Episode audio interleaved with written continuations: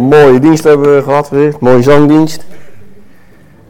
Ehm, het waren ook wel heel wat oude nummers. En ik was eventjes terug in de tijd in Tolen. Even, even weer genieten, dan proeven we weer die sfeer. Gewoon fantastisch. Dankjewel, uh, zangdienst. Alleen wat mij heel erg opvalt, als je die liedjes zingt, en ik heb uh, wat meegeschreven ook. En een van de liederen was Psalm 1. Ik weet niet wat er opgevallen is. Welzalig de man die niet wandelt. En dan vers 2, maar die zijn uh, vreugde vindt in de wet van de Heer en zijn wet dag en nacht overpijnst. Wauw. En dat uh, probeer ik ook te doen. Met het woord van God. Maar wat me ook heel erg opviel in de nummers, dat het heel veel oud-testamentische dingen naar voren kwamen. Zoals vanuit de tempel hoor ik het zilver in de tempel. Uh, de liefde van mij, hè, die naar God stijgt als wierook naar boven. Nou, zo een beeld van het altaar wat in, in, in de tempel stond.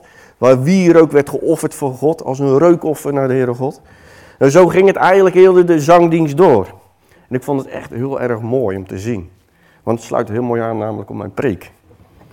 Maar voordat we gaan beginnen wil ik eerst een gebed vragen. Want ik heb die zegen ontzettend hard nodig. Want het is een thema, iets wat heel dicht bij mij ligt. Maar ik wel heel graag wil overbrengen naar jullie. Lieve Vader, Heer, machtig God, Heer. Heer, ik dank u, Heer, dat we weer uh, hier zo bij elkaar mogen zijn, Heer. Dat we ja, mogen zien hoe machtig en groot u bent, lieve Vader, Heer. Dat u al vanaf binnen, begin af aan een plan heeft met ons, Heer. Maar een plan ook met heel de wereld, Heer. Heer, wilt u uh, ja, de woorden die mogen spreken, Heer, dat het niet mijn woorden mogen zijn, Heer. Maar dat uit van u komt, Heer. Dat het mag geleid worden door uw Heilige Geest. En dat dat tot iedereen uh, ja, voedsel zal zijn, Heer. En over nadenking voor de komende periode, Heer. Heer, dat vraagt zo in Jezus' naam. Amen. Um, zoals jullie weten zijn wij uh, vaak bezig uh, met de visie en, en de vijf pijlers zijn we bezig geweest. En ik ga hem gewoon herhalen. Wie weet nog weer wat de visie was van Open Deur? Jezus kennen, inderdaad, en Hem bekendmaken. En dat is wel een kern van onze evangelie. Want het draait uiteindelijk allemaal om Hem. En ik vind altijd gaaf, Paul pakt altijd zijn Bijbel. En die pakt het met de proclamatie. Ik weet niet of jullie hem nog kennen, maar als jullie hem hebben en jullie Bijbel bij jullie hebben, gaan we het gewoon nog een keer doen. En er staat, dit is mijn Bijbel. Het levende en blijvende en krachtige woord van God. Als ik doe wat er staat, als ik geloof wat er staat, ontvang ik wat er staat. En ik zal nooit meer dezelfde zijn.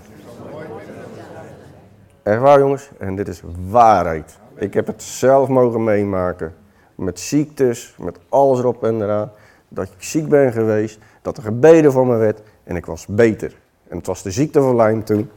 En heel zwaar in de derde eh, gradatie. En dat de artsen zeiden van joh, ik weet niet maar of het met jou goed komt, maar het gaat nog jaren duren. Er werd voor me gebeden. Ik ben, wat er in de Bijbel staat, ben ik naar de oudste gegaan. Ik ben me laten zalven. En twee weken later was ik gewoon weer fulltime aan het werk. En mijn artsen zeiden, eigenlijk niet mogelijk. Dus ik heb het mee mogen maken. En het blijft elke keer terugkomen. Maar als we nou eens naar dat boek kijken, dat is echt veel grappig. We leven nu in de, ja, 2022, we gaan straks naar 2023. Maar weet u dat dit boek al heel oud is? Hoe, beseffen jullie wat jullie oud is? Beseffen jullie dat eigenlijk dit wel een heel oud Joods boek is? Wat zeg je nou, David? Ja, het is een heel oud Joods boek. En de Bijbel, hè, dat vind ik wel mooi, de Bijbel, oh, de Bijbel komt van het woord Biblia. En, uh, hè, en dat is een Griekse naam is dat. En dat betekent boeken. We kennen Biblia, dan kennen wij de bibliotheek. En daar staan ook allemaal verschillende boeken. Zo is de Bijbel ook een boek met allemaal verschillende boeken. Alleen, we zeggen, het boek is wel, eh, nou ja, pak een beet. Mozes is mee begonnen, schrijven. Dat is heel lang geleden. Dat gaan we zo ook zien. Alleen, ik kan u wel zeggen, vandaag de dag mega actueel is. En dat gaan we zo meteen ook verder bekijken. We verder even op de boeken. Uh, ja, ook de Bijbel, hè, net als wat er in de bibliotheek zijn, heeft de Bijbel ook verschillende schrijvers. En die hebben ook allemaal verschillende achtergronden. de ene was uh, visser, de ene was boer, de andere was, uh, ja, noem maar op, eigenlijk arts. En ehm, eigenlijk bevat dit boek bevat 66 Bijbelboeken en brieven. Hè. Brieven behandelen wij hier ook als boeken. En als je dan nog verder gaat kijken, is het eigenlijk, zijn dat wel 40 verschillende schrijvers geweest. 40 verschillende schrijvers. Maar er is één grote overeenkomst van die schrijvers, namelijk, zij zijn alle geboren uit het nageslacht van Abraham, Jacob en Isaac. Heb je dat wel eens beseft? Dat het boek wat je hier hebt liggen, eigenlijk is door schrijvers geschreven uit het nageslacht Jacob, of Abraham, Isaac en Jacob. Bizar eigenlijk. Ik, heb ik ben er gewoon eens gaan nadenken. En, en ik ga gewoon wat feitjes even op de, de uh, probeer op de beamer te krijgen. Ik heb altijd ruzie met dat ding. Mag ik de eerste slide? Tweede, ja. En ik ben gewoon even wat feitjes. Ik hoop dat je het kan zien. Oude Testament bestaat uit 39 boeken. Over een periode van 4000 jaar. Hè? Dus als je Genesis begint en je begint aan het einde, gaat het over een periode van 4000 jaar. En ik heb erbij gezet 75% van de Bijbel. Nou, ik heb het uh, een paar Bijbels bijgepakt. Ik ben gewoon de bladzijden gaan tellen. Wat nu Nieuw Testament is, wat Oude Testament is. En het is wel grappig, als ik dan hier mijn Bijbel heb. Ja, dus een kwart is mijn Nieuwe Testament, hè. Ga ik, Nieuw Testament is 27 boeken. Beschrijf maar eigenlijk een periode van 90 jaar. Exclusief natuurlijk openbaringen, want dat gaat straks over de toekomst. En dat bevat 25% van de Bijbel, als ik het op pagina's bereken. Maar wat het dan wonderlijk is, het zijn allemaal boeken, veel uit van boeken. En ze zit echt, zit 4000 jaar, 90 jaar. Het gaat over een gigantische tijdsperiode. Maar wat ik mij altijd zeer over verwonder is, het gaat altijd over één onderwerp. Het is, ja, er zit zo'n gigantische mooie lijn in de Bijbel. Als je al bij Genesis begint en je eindigt bij openbaring, is dat één grote lijn wat erin staat. En dat is de voltooiing van Gods plan om een nieuwe schepping te krijgen, om straks we later bij Hem mogen zijn. En als ik dan naar die 40 boeken, of die, eh, of die 66 boeken kijk en, en, en 40 schrijven, en die schrijven over één ding, op verschillende manieren, maar ook als je heel die lijnen ziet, dan kan het niet zijn dat hier een regisseur achter zit. Het kan niet zo zijn als Mozes een boek schrijft, hè, de, de feesten vijf bijboeken noemen ze ook wel de Torah, en dat we straks in het Nieuwe Testament een boek wordt geschreven door Johannes of, eh, of door Matthäus, dat diezelfde lijn erin zit. Allemaal wijzend naar de verlossende Heer Jezus. En ehm, ik weet niet als u zit, ik ben wel eens begonnen in, uh, in uh, Ezekiel bijvoorbeeld, of, uh, of, een andere profeet. En man, wat vond ik dat moeilijk zeg. Wat vond ik dat moeilijk.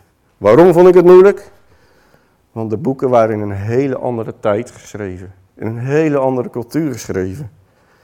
En het, is, het, is, het zit zo'n grootste tijdsperiode zit daartussen. En daarom vond ik het echt heel lastig. En al gauw, hè, als ik dan, dan, dan het, uh, uh, de Bijbel erbij pak dan ook, dan wordt er eigenlijk een splitsing al heel snel duidelijk gemaakt. En dan gaat het over de verbonden. En het Oude Testament noemen we wel als Nieuwe Verbond. Hè? Dat zijn allemaal die regeltjes en de Torah en zwaar en moeilijk en uh, moet ik allemaal aan houden en helemaal niet leuk. En dan hebben we het Nieuw Testament. En daar ontstaat dan de gemeente. En dan zijn we, yeah, hartstikke vrolijk met z'n allen. En allemaal, uh, ja, dan mogen we de genade uh, ontvangen. Maar die genade was trouwens in het Oude Testament ook al hoor. Heel nadrukkelijk. Maar God had een enorme geduld met zijn volk. Als ik God was, hè, mag ik misschien zo niet zeggen, maar als ik God was, had ik Israël gelijk uh, van de kaart geveegd.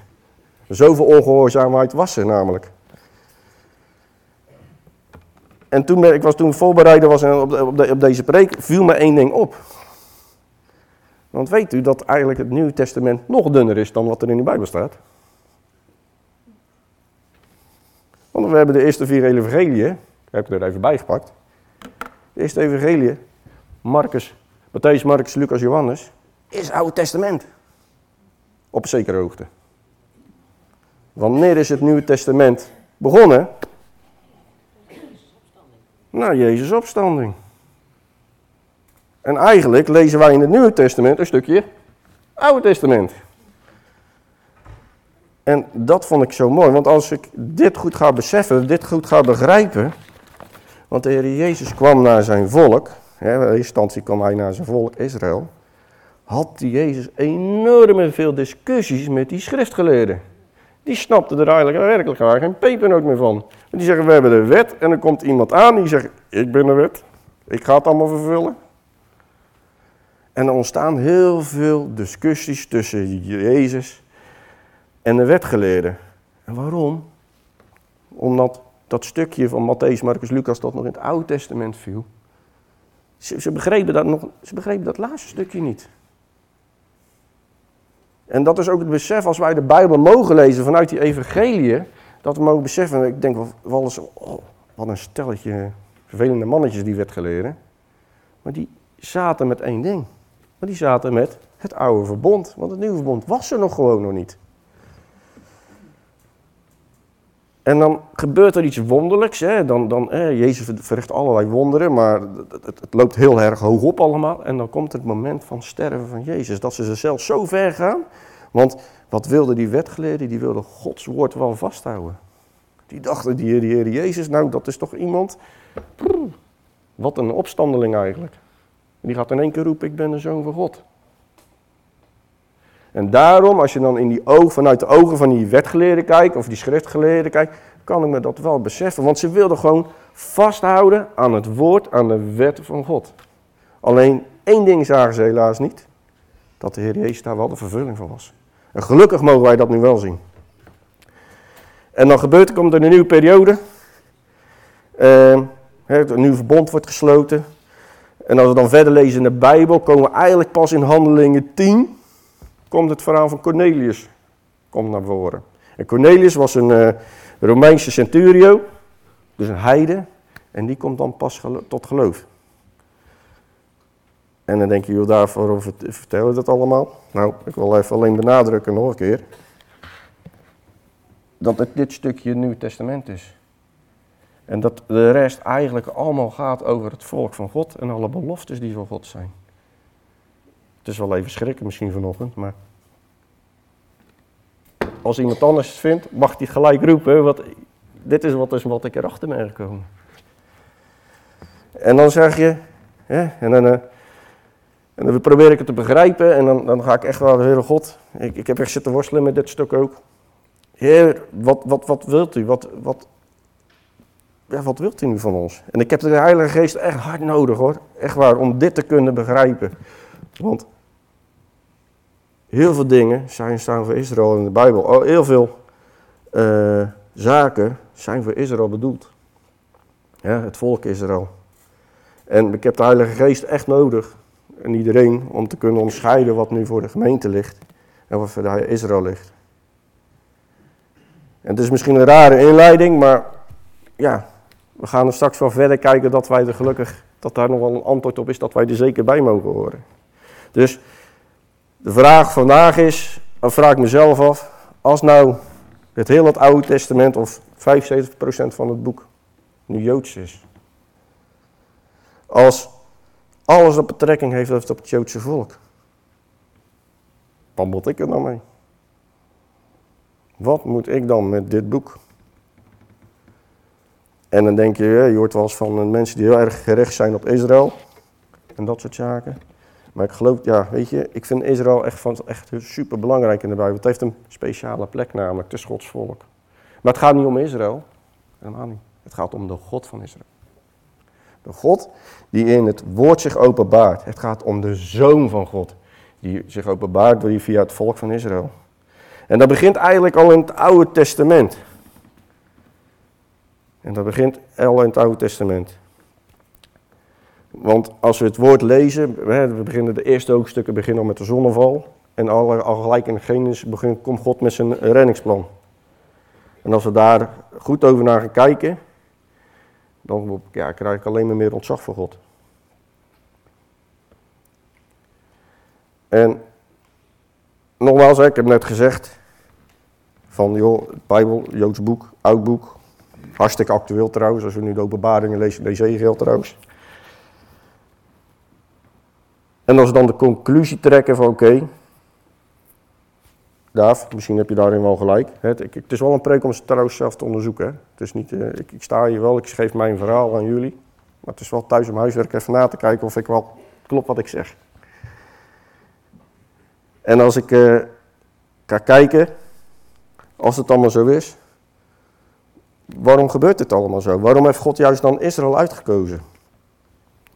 En dan wil ik jullie eens meenemen. Ik wil jullie gewoon eens meenemen. Als ik goed heb, heb ik een volgende slide. Ja. Naar het begin waar alles eigenlijk in gebeurde. God had dat nooit namelijk zo bedoeld. Uh, Adam en Eva, het paradijs was geschapen en Adam en Eva leefden in het mooie paradijs. Alles goed, ze hadden een relatie met God, ze wandelden met God en dat was de bedoeling wat God met ons allemaal had. Maar door de leugen van Satan, door te laten, de Adam eten, te laten eten van de vrucht, is de zonde in de wereld gekomen. En wat wordt, eigenlijk wordt zeg maar op dat moment de wereld overgedragen naar Satan. En we lezen ook in de Bijbel, hè, Satan is de overste van deze wereld. Nou, als je dat nou niet gelooft, moet je even een rondje gaan lopen, nieuws kijken. Dan merk je vanzelf dat dat ook zo is. En, maar God, toen het gebeurde, God zei tegen die, die ging gelijk ingrijpen. Die gaf gelijk een belofte. Namelijk eigenlijk deze, dus deze belofte. en ik zal vijandschap teweeg brengen tussen u en de vrouw. En tussen uw nageslacht en haar nageslacht. Dat zal u de kop vermorzelen en u zult de hiel vermorzelen. Dus al in het begin, Genesis 3, dus het eerste Bijbelboek, al van de eerste pagina's, komt, gebeurt het allemaal. Komt die zonneval en dan komt God gelijk met een renningsplan. En dit is al, al helemaal, helemaal vervuld. Er staat, u zult het hiel verbrijzelen, gaat over de Heer Jezus. Nou, wat is er aan het kruis gebeurd met die spijkers? Die zijn recht in de hiel van de Heer Jezus geslagen. Maar tijdens de opstanding heeft hij inderdaad Satan kop vermorzeld. En dat is iets, iets, iets, ja, dat is Gods reddingsplan. Zie je dat? Heel, ja, komt heel mooi naar voren. En God die gaat daar daarin verder. Want Kijk, zo pakken Om, God, om, om die belofte waar te maken, omdat op het moment dat Jezus naar de aarde komt en aan het kruis te gaan, om deze die laatste vervul, uh, belofte in vervulling te laten gaan, gaat God een plan uitvoeren. En dan begint het ook bij Abraham. God riep Abraham om uit zijn land te vertrekken en hem tot een groot volk te maken. En er staat hier ook, in de Bijbel staat dat zo mooi in Genesis. De Heer, zei, Heer nu zei tegen Abraham, Gaat uit uw land, uit uw familiekring en uit het huis van uw vader naar dat land dat ik u wijzen zal. Ik zal u tot een groot volk maken, u zegenen en uw naam groot maken en u zult een zegen zijn. Ik zal zegenen wie u zegenen en wie u vervloekt zal ik vervloeken. In u, heel belangrijk, al je een belofte, in u zullen alle geslachten van de aardebodem gezegend worden. En Abraham die, die, die, hoort dat, die gaat, pakt zijn spullen, gaat op reis.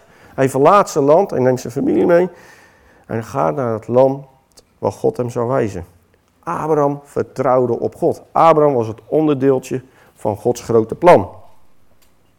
En zoals beloofd en beloofd is Israël, vanuit hem is Israël tot een groot volk geworden. Maar helaas door omstandigheden is het wel naar het beloofde land gegaan. Maar zijn ze uiteindelijk in Egypte terechtgekomen door de hongersnoden en door de Jozef en heel het verhaal. Moet je maar eens nalezen in de Bijbel. En daar wordt het een groot volk, maar komen ze terecht in slavernij. En dan verhoort God weer, want dan bevrijdt hij zijn volk. En als dan het volk uiteindelijk bevrijd wordt naar, uh, uit Egypte en onderweg zijn naar een land, komen ze bij de berg Sinaï. Ik weet niet of het misschien al wat bekend klinkt, maar daar is een, eigenlijk een heel belangrijk moment. Want daar ontvingen zij namelijk de Torah. Zoals wij die kennen, de eerste vijf Bijbelboeken. En die zijn voor dat moment voor Israël, aan Israël gericht. En toen zij dat, die, die wetten ontvingen, zei God, zei God ook andere belangrijke zaken. Namelijk, en dat zei hij tegen Israël, op het moment dat ze die uh, wet ontvingen. Als u nu dan, als, nu dan, als u nauwgezet mijn stem gehoorzaamt en mijn verbond in acht neemt, dan zult u uit alle volken mijn persoonlijk eigendom zijn. Want heel de aarde is van mij. Op dat moment zegt God van, paf, Israël is van mij. En een andere tekst, oh, ga ik veel te snel. Een andere belangrijke tekst die hier staat, hè, om dat te bevestigen, staat in Deuteronomium. Want u bent een heilig volk voor de Heer. U, uw God, de Heer heeft u uit alle volken die op de aardbodem zijn uitgekozen. Om voor hem een volk te zijn dat zijn persoonlijk eigendom is. Het staat allemaal in de Bijbel, hè? ik verzin niks. Maar weet je wat eigenlijk gebeurde? En dan probeer ik eigenlijk in de, probeer dit in een plaatje te illustreren. God koos een volk. God koos een volk en God gaf hem regels. Nou, we hebben net gezien, wie was de overste van deze wereld op het moment? Is Satan. En God koos een volk, die gaf ze een wet. En wat moest het volk doen? Gehoorzamen. En wat gebeurde als een volk gehoorzamen? Deuteronomie 28 kunnen we dat lezen, zegen en vloek. Als ze gehoorzaamden, joh, dan kregen ze maar alles wat ze nodig hadden. Genoeg voedsel, genoeg kleding, overvloed in alles. En wat eigenlijk dan Gods plan was, dat alle landen naar Israël zouden kijken van, wauw, die hebben een God. Wauw, dat wil ik ook. Dat, ik, ik wil ook in die God geloven, want kijk hoeveel voorspoed we hebben, kijk hoeveel geluk, kijk hoe voor ons gezorgd worden. Dat wil ik ook. Maar ja, goed, helaas, we zijn weer net mensen. En heeft Israël iets anders besloten om juist het niet te doen. Ze zijn overspel gaan plegen, als het ware. Ze zijn andere afgoden gaan dienen, wat God zei, jongens, moet je niet doen. Nou, dan doen we dat toch wel. Ik weet niet waarom God dat dan ons inlegt als we zeggen, we moeten dat doen. En dan zeggen we, nee, we gaan toch liever die kant op. Ik snap er niks van eigenlijk. En God heeft daarin zijn wet gegeven, zijn, God, zijn woord eigenlijk. Van joh, doe nou naar me luisteren, want ik ook lekker goed voor jullie zorgen. Want dat wil ik heel graag. Maar dan gaan ze toch de andere kant op.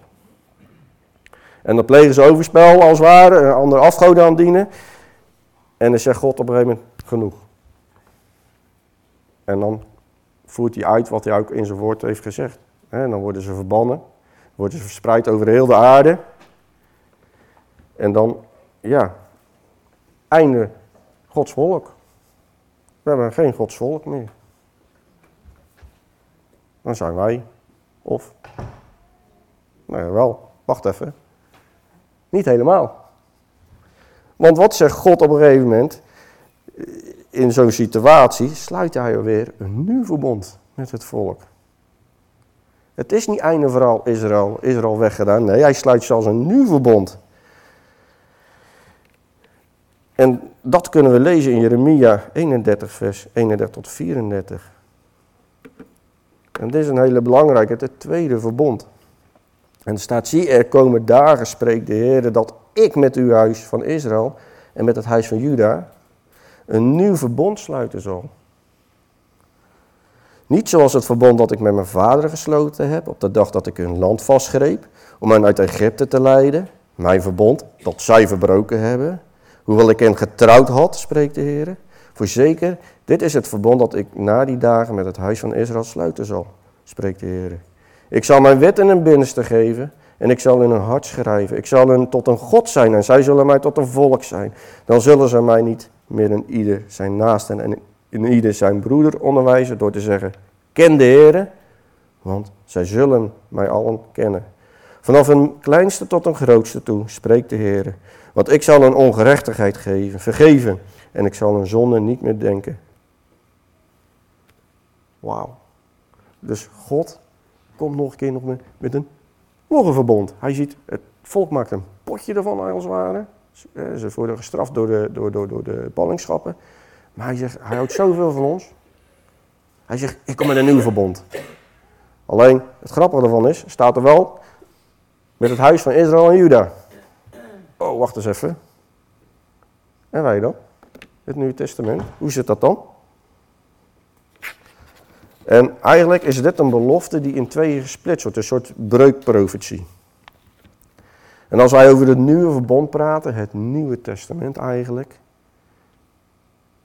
dan, dan, dan, ja, dan staat er eigenlijk met Juda en Israël. En ik ga eens even een vraag stellen. Jezus kwam naar de aarde, naar zijn volk, hè? nogmaals, om een redding te brengen. Weet u wanneer dit tweede verbond werd ingesteld? Dit verbond. Dat werd ingesteld tijdens het Pesachmaaltijd. Dat werd ingesteld toen Jezus de wijn pakte en het brood pakte en het brood doormidden brak en de beker rondgelegen gaan. Die zei, joh, dit is mijn lichaam, dit is mijn bloed. Dat is het nieuwe verbond. Hé, maar wat met Israël en Juda? Hoe kan dat nou? En weet je wanneer ik nou dat nieuwe verbond uiteindelijk gekracht, bekrachtigd werd? Hij stelde iets in. Maar wanneer ging dat dan in? Op het moment dat hij stierf van Gogota. En op het moment dat hij weer opstond.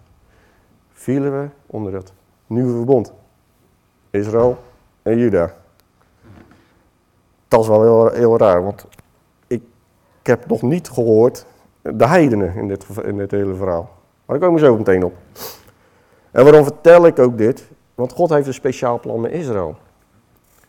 En ik ga dat stukje omwille van de tijd niet lezen, maar eh, het gaat om uh, over de eindtijd. En als ik kijk naar Ezekiel 37, dan gaat het over de dorre doodsbeenderen. God heeft een plan met Israël. Zodat wij als toeschouwers kunnen zien wat er aan het gebeuren is. Want wat staat er in Ezekiel 37? Dan moet Ezekiel tegen een hoop botten moet gaan profiteren, komt tot leven. En op die bot, en, en, dan zegt hij, moet ik dat doen? Ja, dan mag jij doen. Oké, dan gaat hij dat doen. En dan beginnen die botten in beweging te komen. Die gaan aan elkaar zitten. En dan, of, of, dan ontstaat er een skelet. En op de skelet komen spieren. En op die spieren komen weer vlees. En dan wordt uiteindelijk wordt er een huid overheen getrokken. Zo wordt Israël als herkend. En als we nu kijken, en het is een belofte die aan Israël wordt gedaan. Als we nu kijken naar sinds 1948 dat Israël weer in staat is, dat op een bijzondere wijze dat dat toch gebeurd is, dan zien wij, en als we het nieuws mogen kijken, dan zien we eigenlijk deze profetie vanuit Ezekiel 37 voltrokken worden. Want Israël is weer een land, Israël is weer een staat, Israël is aan het, ja, is er weer. Het fysieke is er weer. Maar er staat één ding wat nog niet gebeurd is. En dat is het geestelijke. En dat is die breukprofetie waar ik net zei, van dat is het tweede deel. En dat tweede deel wordt in Zacharia ook zo mooi aangegeven. En er staat, op die dag, als God uiteindelijk alle Israël bij elkaar weer haalt, op die dag zal het gebeuren dat alle heidevolken die tegen Jeruzalem oprukken, zal willen wegvagen. Maar over het huis van David en over de inwoners van Jeruzalem zal ik de geest van genade van genade en van de gebeden uitstorten. Zij zullen mij aanschouwen die zij doorstoken hebben. Zij zullen over hem rouw bedrijven, als met een rouwklacht over enig kind. En zij zullen over hem bitter klagen, zoals een, men bitter klaagt over een eerstgeborene. Op die dag zullen ze hun Messias zien. Ze zullen zien wie Jezus is. En dan kom ik nou toch wel terug, ja, en wij dan?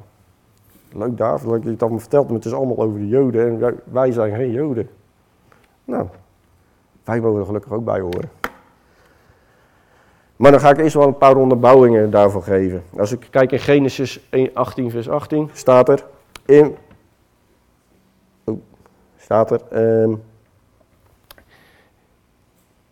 Oeh, ik heb een verkeerde tekst uh, gekopieerd, zie ik alweer.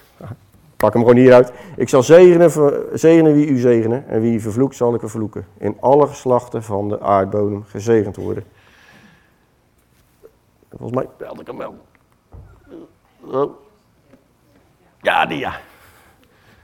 En de tweede, en dat staat in Johannes, en zegt Jezus zegt, zegt dat zelf. U aanbidt wat u niet weet, wij aanbidden wat wij weten, want de zaligheid, het heil is uit de Joden. En dat heeft hij tegen de Samaritaanse vrouw die bij de put zat. En dan zegt hij, u weet niet wat, u weet niet, zo. U aanbidt wat u niet weet, Samaritanen hadden niet echt veel verstand van de Joodse wet, van de Torah. Maar wij weten, dat gaat over de Joden, die wisten heel goed wat, wie ze aanbaden. En dat was de God van Israël. En dan staat er, want de zaligheid is uit de Joden. En dan wordt je gewoon simpelweg de Heer Jezus mee voorgesteld. Want die gaat ons zaligheid brengen en die gaat ons ja, geven. Dus onze geloofbasis heeft dus aan onze aanhangsvlakken hebben dus heel veel met Israël te maken. Maar hoe dan? Hoe, hoe gaan we nou? Hoe? En dan kom ik op Romeinen 11. Dat is allemaal Nieuw Testament. En ik lees vaak uit het HSV, dus ik heb dit is bijgepakt. Als u de enige takken afgerukt zijn en u die een wilde olijfboom bent, in een plaats bent geënt en mede deel hebt gekregen aan de wortel en de verdigheid van de olijfboom. Pak ik even een andere vertaling erbij, dat vind ik veel lekker te lezen. De basisbijbel staat eronder. En dat, vind ik, dat, dat, vond ik hem zo mooi naar voren komen. En je zou het volk Israël kunnen vergelijken met een, ja, hier een gekweekte olijfboom. En jullie niet, als niet-Joden met een wilde boom. Nu heeft God een paar takken van die gekweekte olijfboom weggebroken. En hij heeft de takken van de wilde olijfboom in plaats gezet. Dat zijn jullie. Nu drinken jullie van het sap uit de wortels van de gekweekte olijfboom. En de olie en de olijfolie in jullie is ontstaan, ontstaan dankzij die boom. En dit is mooi. We zeggen wel dat drie kwart Joodse Bijbel is. Maar hier zegt eigenlijk, wordt gezegd, we mogen erbij horen. Jezus als wortels, Israël als, als de stam. En God zegt, ik heb takken weggebroken. Dat waren de niet-gelovige Joden. Die niks met God mee te maken hebben. Maar wat heeft hij dan wel gedaan? Hij heeft ons, als niet-Joden, eigenlijk als de heidenen, heeft hij als tak gepakt. En heeft hij op die olijfboom geënt. Met andere woorden, als je ent, ik ben geen uh, natuurkundige of, of, iets met planten, maar als je een sneetje maakt in een boom en je zet er een takje in en bindt dat zo vast en doet er wat soort pasta bij, zeg maar, dan groeit die tak uit die boom. Maar waar krijgt hij dan zijn voeding vandaan? Van die stam, van die wortels de Heer Jezus, door de stam van de aartsvaders van Israël. En we mogen als takje, mogen wij meegaan, die voeding meegaan van Israël. Dat is onze positie. En helaas, in door de eeuwen door, hebben een aantal kerken gezegd, en dat begon eigenlijk al in de eerste eeuw, zegt, Israël is weggedaan. We hebben Israël aan de kant geschoven, wij zijn nu het geestelijke Israël. En ik hoop dat jullie, dat wil ik hier vandaag wel meegeven, dat is de vervangingstheologie die al eeuwen meegaat. Maar wij zijn niet het geestelijke Israël. Sterker nog, wij mogen toeschouwers zijn, we mogen op die stoel gaan zitten en een bak popcorn gaan eten, zeg maar. Kijk hoe Gods plan voltrekt met Israël tot de Heer Jezus komt. Want dat plan moet eerst vertrokken zijn voordat de Heer Jezus terug op aarde gaat komen. En als ik eerlijk mag zijn, kijk ik nu naar Israël. Israël was een verwoest land, groeide niks, één grote woestijn. Ik ben zelf in Israël mogen, mogen zijn. En ik heb daar de prachtigste tuinen gezien. De woestijn zou bloeien als een roos. Ik heb het met mijn eigen ogen mogen aanschouwen. En het gaat gewoon eigenlijk gewoon door. Want wat zegt de Bijbel nog meer? En daarom begon ik misschien heel cru van Israël, alles is voor Israël. Nou, de Bijbel zegt daar veel meer over. Want er staat er nog meer in de Bijbel, Efeze. Want door, want door hem uh, want door hem hebben wij beide door één geest de toegang tot de Vader. Zo bent u niet meer de vreemdeling en bijwoners, maar medeburgers van de Heilige en huisgenoten van God. Door dat takje op die olijfboom zijn we medeburgers geworden. We mogen meedingen op die belofte die God geeft straks aan het einde, dat de Heer Jezus terugkomt, dat we bij hem mogen zijn.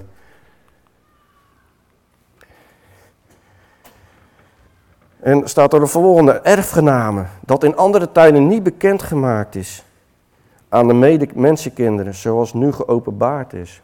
Vroeger, hè, toen alleen, alleen de Joden daar nog waren, was het niet geopenbaard. Het wordt nu geopenbaard. Het staat gewoon in de Bijbel.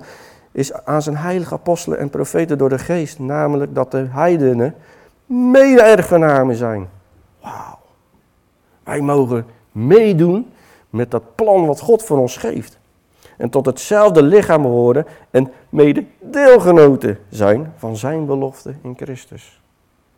Dus wij zijn niet het geestelijke Israël, dat wil ik echt, echt benadrukken. Wij zijn niet in de plaats van Israël, maar wij zijn dat takje die op dat olijfboompje zijn geplant. En we mogen er nu bij horen, we mogen medeburgers zijn. En dat is wat ik voor jullie geven.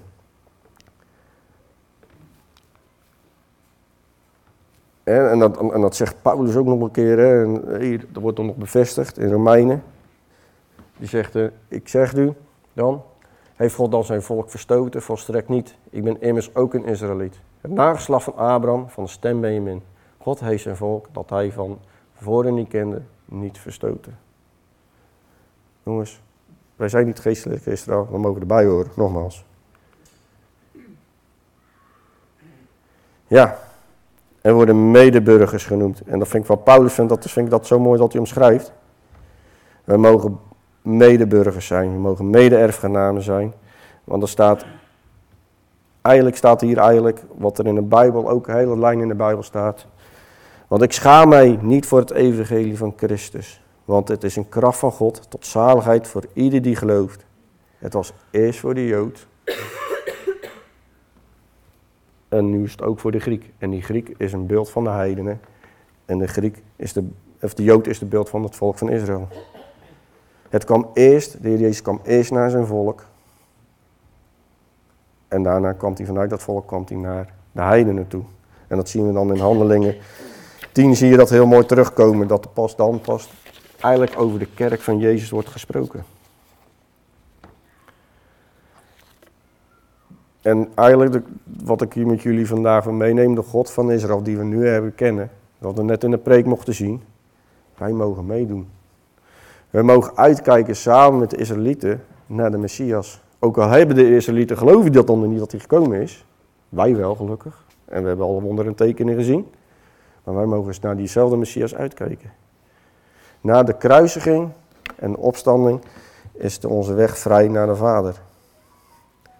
En waarom vertel ik eigenlijk dit? Ik, had, ik ben de laatste tijd best wel veel bezig geweest met studies en, en, en, en uh, ook met de Bijbelstudies. En ik werd door één ding geraakt. En ik wil je daar ook mee uitdagen. Bidden wij wel voor Israël? Als ik naar mezelf mag kijken, dan denk ik, oh, bidden voor Israël. Nou, dus mee. Dan ga je helemaal, uh, dan ga je echt de, de, de Israël-kant friek op, zeg maar. Nee, ik wil dat niet zeggen. Hebben wij, sterker nog, hebben wij Israël wel eens gezegend? Want ik heb die teksten niet meer opstaan, geloof ik, maar in Genesis 3 staat heel duidelijk, hè. Wie u zal zegenen, zal ik zegenen. Maar let op, er staat iets achter. Wie u vervloeken, zal ik vervloeken. En hier staat duidelijk eigenlijk dat we tot, tot steun mogen zijn voor het volk dat, dat, dat we een steun en een zegen mogen zijn voor het volk van Israël. Kijk eens wat er met Israël gebeurt. Kijk wat de VN allemaal dan de resoluties aan naar hen toe gooit. Kijk hoe slecht ze in het nieuws staan, want de Joden hebben dit gedaan. Ik zeg niet, kun je niet alles goed wat ze doen, hè. Dat is even... Maar ze staan continu onder vuur. En eigenlijk heeft, als je naar heel de geschiedenis hebt gekeken, Vanaf de kruistochten tot aan de Tweede Wereldoorlog enzovoort, heeft Satan één ding geprobeerd. Is het volk van God uitroeien. Waarom? Omdat hij zijn plan dan niet kan voltrekken in de Heer Jezus. En het is hem nooit gelukt. En dat gaat hem ook niet lukken. Maar God heeft een plan voor zijn volk. En nogmaals, wij mogen met een bakje popcorn mogen er weer lekker bij staan en mogen kijken hoe hij zijn plan vertrekt. En dan geef, wil ik je best een handvat meegeven. Maar ja, Daaf, leuk, zegenen voor Israël. En, uh, en, en, wat moet ik dan doen? Wat moet ik dan bidden? Wat kan ik dan zegenen? Nou, psalmen en het boek, het Bijbel geeft ook altijd oplossingen. Dat vind ik altijd mooi. En op psalm 22, ik werd er door Martien op gewezen de laatste keer. En die trof mij. Hij zegt, bid om, de bid om vrede voor Jeruzalem. Laat het goed gaan met hen die u lief hebben. Laat vrede binnen uw vesting wel zijn. Rust in uw burchten, omwille van mijn broeders en mijn vrienden spreek ik nu. Vrede zij u, omwille van de huis van de Heer, onze God, zal ik het goede voor u zoeken. Wij mogen bidden voor de vrede van Israël. En als die vrede komt, hè, want het is één grote ja, spanningsbende daar zo eigenlijk. Maar als die vrede komt, dan weet je dat de Heer Jezus er ook is. En dat wil ik u met jullie meegeven. En ik wil afsluiten met de woorden van een persoon uit de Bijbel die dat al heel lang goed wist. Die al 3000 jaar geleden hier rondliep. Dat was namelijk Rut. Rut was een Moabitische en Moabitische was eigenlijk een beeld van de heide. En die ging met, een, met haar schoonmoeder mee terug naar Israël. En dat was Rut. En Rut was dus een Israëliet. En ik wil me afsluiten met deze woorden. Die Rut tegen haar schoonmoeder zijn. Uw God, uw volk is mijn volk. En uw God is mijn God. Amen. Afsluiten met gebed. Trouwe lieve Vader, Heer, machtig God, Heer. Heer, ik dank u weer voor uw woord, Heer. Bedankt voor uw betrouwbaarheid in het woord, Heer. Heer, dat u uw plan heeft uitgevoerd, Heer, of gaat uitvoeren via uw volk, Heer, Israël. Heer, dat wij mede-erfgenamen mogen zijn, Heer. Mede, mede-burgers mogen zijn, Heer, in uw koninkrijk. Heer, en ik kijk zo ontzettend uit, Heer, wat u gaat doen, Heer, in de komende periode, Heer. Heer, ik verlang naar u, Heer, dat u terugkomt op die berg, op die, op die Olijfberg, Heer. Heer, en ik zie uit, Heer, naar, naar die toekomst. Dat we voor altijd bij u en voor eeuwig bij u mogen zijn. Heer, wilt u zo uh, ja, deze woorden ja, kracht mogen hebben, Heer. En dat we het uh, tot aanzetten zet, tot denken, Heer. En dat we het mee mogen nemen in ja, de komende week. En dat verraad zo in Jezus' naam. Amen.